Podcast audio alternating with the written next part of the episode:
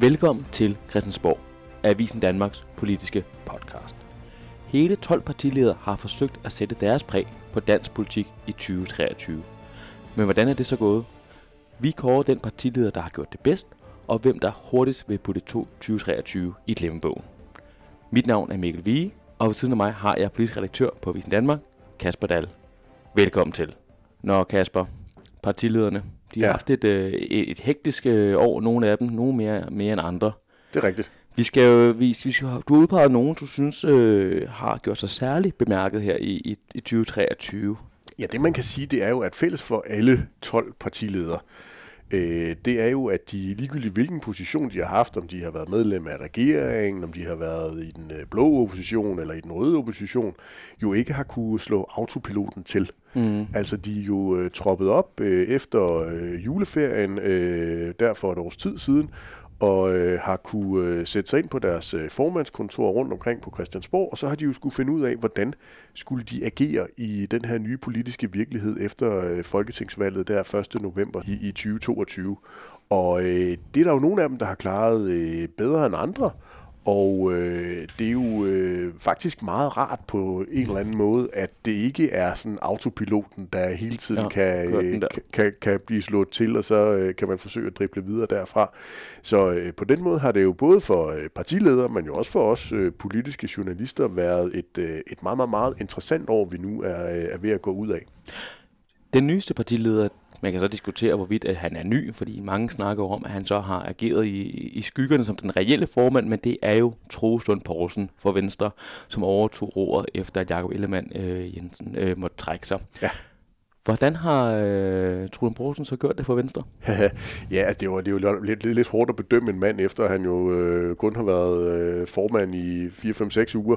Øh, men, men som du selv er inde på, så har han jo øh, reelt været den, der har trukket rigtig meget i, i trådene i Venstre, og han havde jo så faktisk også en, øh, en lang periode i foråret, seks måneder, hvor han jo de facto var øh, formanden, øh, fordi Jakob Ellemann han var, øh, var sygemeldt. Så han er jo i virkeligheden den af, af de to, der har haft længst tid i 2023 Ja, ja, som formand for, for Venstre, og derfor så giver det selvfølgelig også meget god mening at bedømme ham som sådan.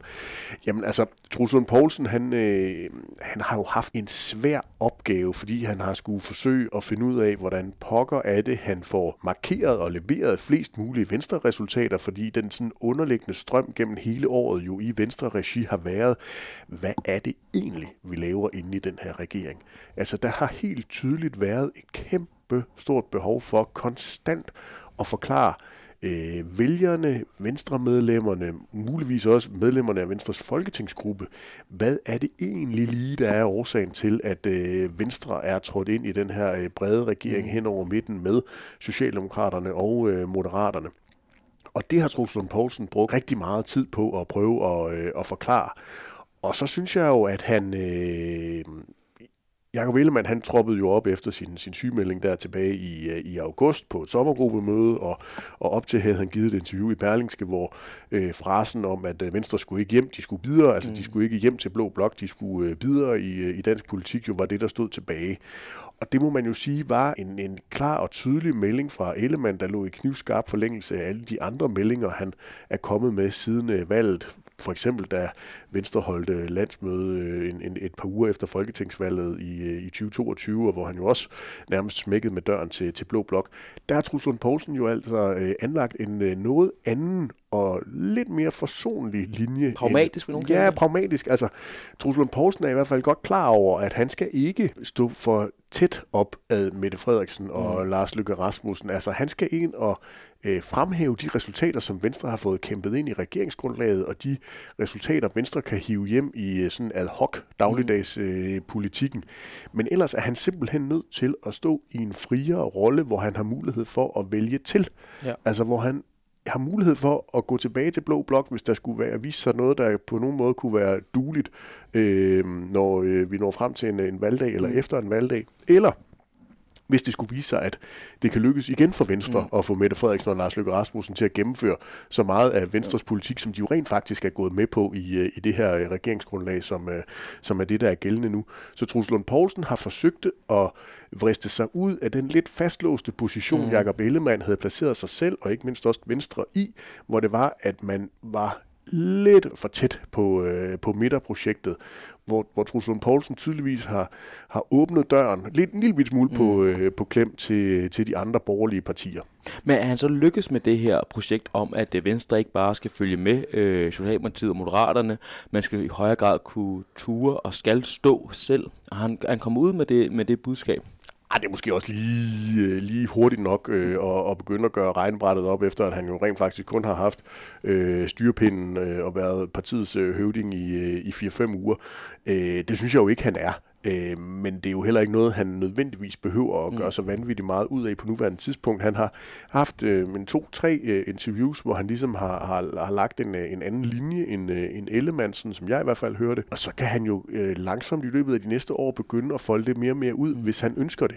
Under alle omstændigheder, så er der jo i hvert fald sket det, at der øh, i regeringsledelsen med Mette Frederiksen, med Lars Lykke, jo nu er kommet en anden form for usikkerhed. Ikke mm. fordi Mette Frederiksen og Lars Løkke er usikre på, om Venstre vil være en del af den nuværende regering. Det tror jeg, de er meget overbeviste mm. om, at Venstre de går fuldtonet øh, ind for det og vil kæmpe for at få gennemført øh, så meget som overhovedet muligt af det, der står i regeringsgrundlaget.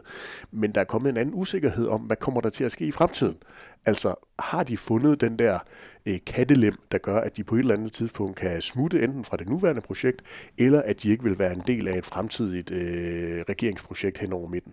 Og lige inden vi går videre til næste partileder, du nævnte også indledningsvis den her fortælling, som Venstre brugt utrolig meget krudt på i starten, for ja. at forklare, hvorfor var de med i den her ja. øh, regering. Og øh, både Jakob Ellemann var ude på baglands øh, besøg, og Stephanie Lose og Truslund Poulsen også været det.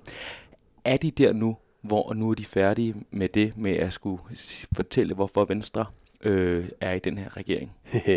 ja, det troede jeg nærmest, at de allerede var næsten træt af at høre på det Ja, altså, men, men, men vi er jo heller ikke den, de sådan, typiske øh, vælgere forstået på den måde. Vi følger jo alt for meget med. Det gør øh, almindelige danskere jo, øh, jo ikke på samme måde, som, som vi gør.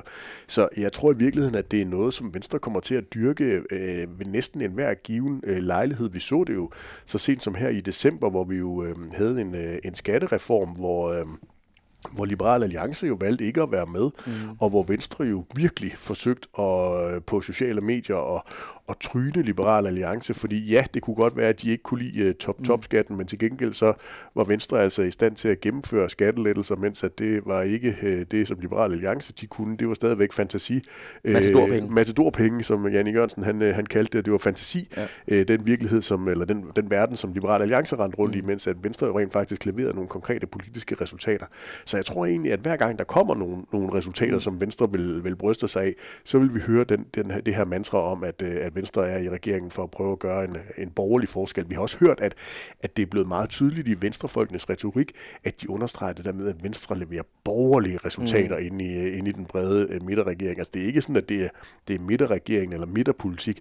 Nej, det er Venstre, der er det borgerlige Danmarks repræsentant inde i den her regering. Men tror du ikke også, at uh, Trond Poulsen så er ret glad for, at der ikke var nogen røde partier med i den her skatteaftale? Netop som de kan sige, det her kan kun lade sig gøre på grund af, at Venstre er med i regeringen. Jo, jo, jo helt bestemt, helt bestemt, helt bestemt selvfølgelig. Altså, øh, Truslund Poulsen kommer til at tale meget mere borgerlighed og liberalisme, end vi hørte øh, Jacob Ellemann være, være villig til at gøre det. Han var meget mere dedikeret til øh, midterdelen. En, der måske er for nogen øh, lidt overraskende stadigvæk er partileder, det er jo Søren Pape Poulsen. Ja. Jeg var selv med til, til valgaften, hvor han kom ud til, til de rullende kameraer, hvor han sagde, slap af, slap af, jeg går ikke af som formand, og derefter så snakkede man nærmest ikke om andet de næste par måneder. Ja. Og rigtig mange var overbeviste om, at det var altså bare et spørgsmål om tid, før han måtte trække sig. Ja. Det er han ikke. Hvor, hvad, hvad, er det for en, hvad er det for et valgår, han har, han har haft? Jamen, altså... Øh, Søren Pape, det der er mest overraskende for os ved Søren Pape Poulsen, det er jo sådan set, at han stadigvæk er der. øh, og øh, det må man jo sige er en bedrift i sig selv. Om det er den rigtige beslutning for Søren Pape Poulsen og for det konservative Folkeparti, det må tiden jo vise.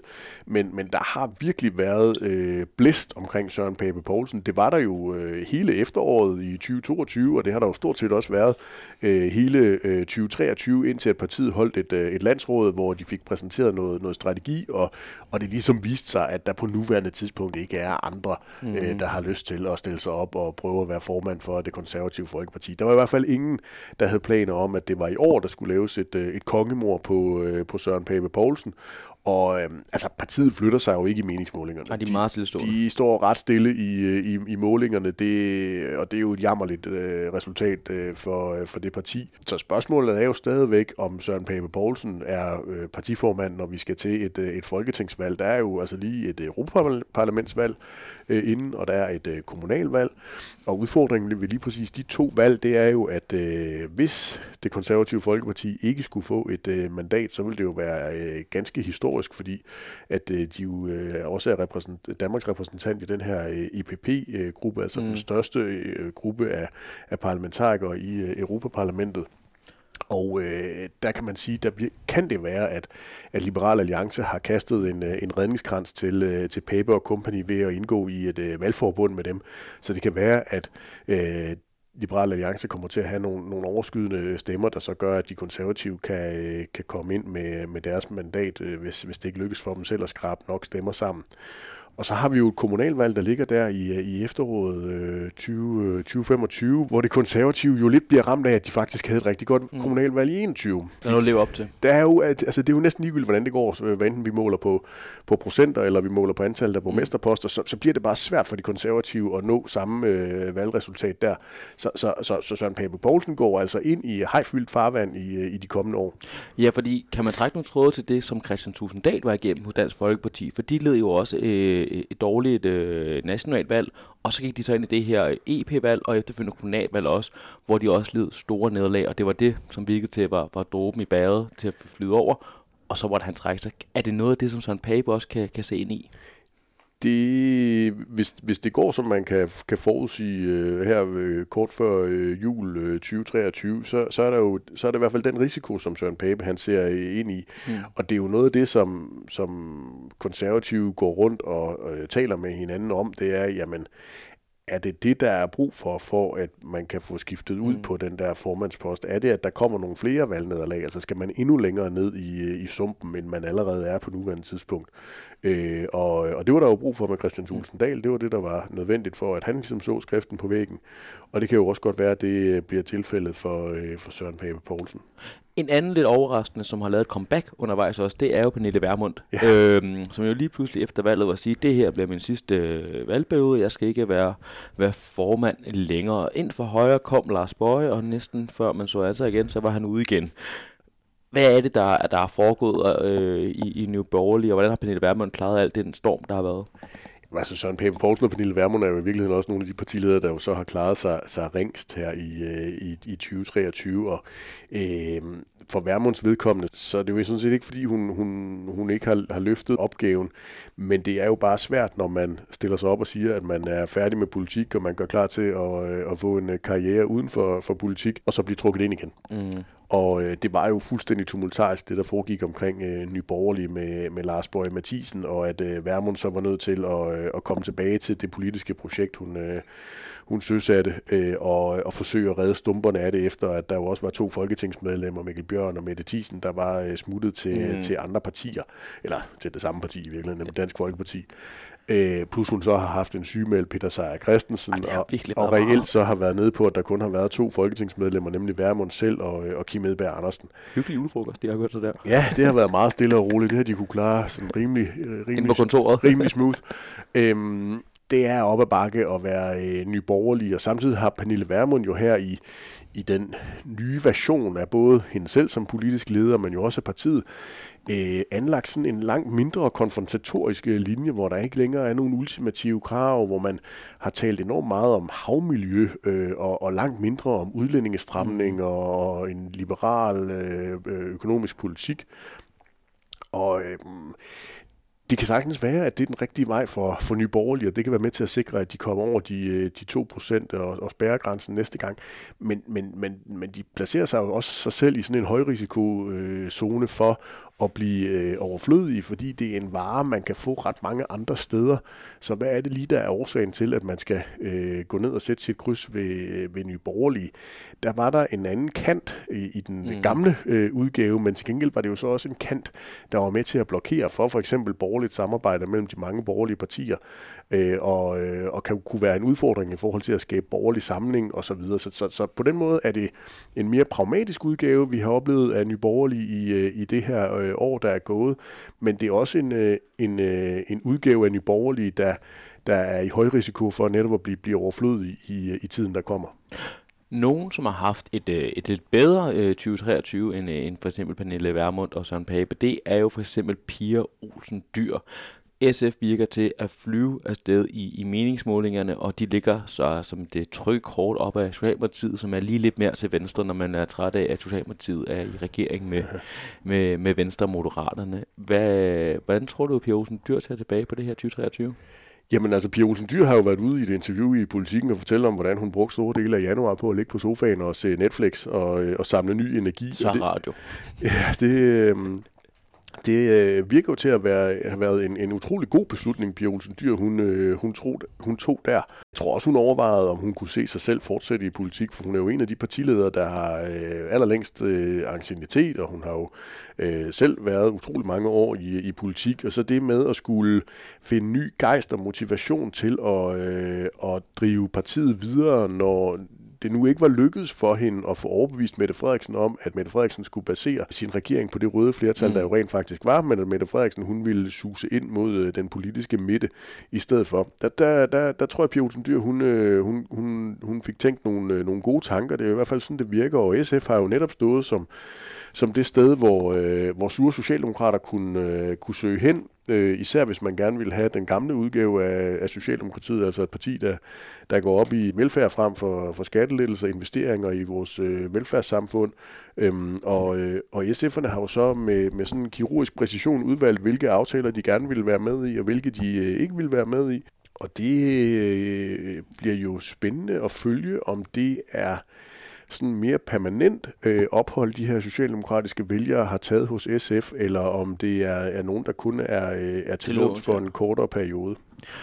Men lige meget hvad, så må de jo sige, altså når de så kommer over så det her øh, nederlag ikke og kommer med i regeringen, så, så må de jo vel se tilbage på, på 2023, som har været ret godt for SF, fordi de har jo nærmest skulle gå på vandet. Jo, jo, helt bestemt, men, men, men, men Pia Olsen Dyr og resten af SF's folketingsgruppe er jo også så bundrutineret, at de godt ved, at øh, en ting er, hvad der står i, øh, i meningsmålingerne, og en ting er at, at være, have den størrelse, man har i det nuværende folketing, men det er dybest set lidt ligegyldigt, fordi der er en flertalsregering, og det er først, når der har været et valg, at man øh, jo set med SF's øjne ville kunne konvertere nogle af de, øh, de gode målinger øh, til øh, mere politisk indflydelse.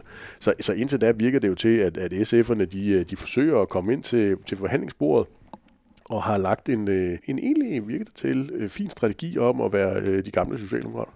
En anden, som har tur i den, det er Alex Vandomslag fra Liberal Alliance, som kan udse, us, øh, sælge KB-handlen ud. Hvad fanden er det, man egentlig der? Som har øh, udsolgt KB-handlen.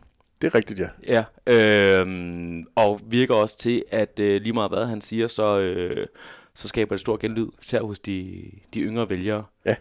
Hvad er det, der går så godt for ham? Jamen, og det går faktisk så godt, at han nu har tænkt sig at flytte det der udsolgte show fra KB-hallen til flere jyske byer. Nå ja, det er rigtigt. Så vi må se, om han har lige så stor øh, gennemslagskraft i, øh, i Jylland, som han har i, i hovedstaden øh, og om han kan fylde nogle af de, de jyske håndboldhaller med, øh, med interesserede. Jamen, øh, altså Marlopslag, han, han gør jo flere, flere forskellige ting. Et, han taler selvfølgelig meget til, til de unge, og, øh, og har en, øh, en klar appel ind i den liberalisme og det frisind, og, og, og den tro på livet, som man, man oplever mm. hos, øh, hos unge mennesker. Og så har han jo noget liberalt i sig, som mange, især dem, der tidligere har stemt på Danmarks Liberale Parti, Venstre, jo måske mener, der er blevet solgt en lille bitte smule ud af i forbindelse mm. med både løftebruddet, øh, som Jakob Ellemann øh, tydeligt gik, og som han jo også selv erkendte, han, øh, han gjorde i forbindelse med at gøre Mette Frederiksen til, til statsminister. Der har Alex Vandopslag og Liberale Alliance jo stadigvæk rejsende i en meget skarp Mette Frederiksen-kritik. Øh, og øh, jo også i forhold til det politiske, altså de står på nogle klare liberale øh, værdier.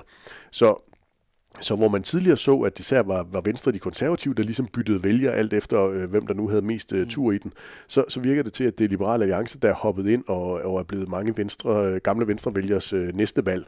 Og, og det er jo det, de kan også kan se i, øh, i målingerne på, øh, på nuværende tidspunkt. Noget af det, der er interessant, det er jo, at øh, en af de store succeser, det har været den der øh, tag ansvar øh, kampagne, de har, har lagt ud. Og nu kommer der en, en 2,0 i det, i det nye år Tror du, det kan være med til at, at viderebygge øh, succesen, eller har folk nu øh, forstået budskabet? det kommer lidt an på, om Vandomslag og company de har nogle, nogle nye ting øh, med i, i ærmet. Altså det er jo egentlig øh, ganske bemærkelsesværdigt, så stille og roligt, der har været omkring øh, Alex Vandomslag øh, her i, øh, og Liberal Alliance her mm. i, i det første år. Altså der har man jo tydeligt skulle øh, forsøge at finde ud af, hvordan skulle man håndtere alle de nye folketingsmedlemmer, der er kommet ind.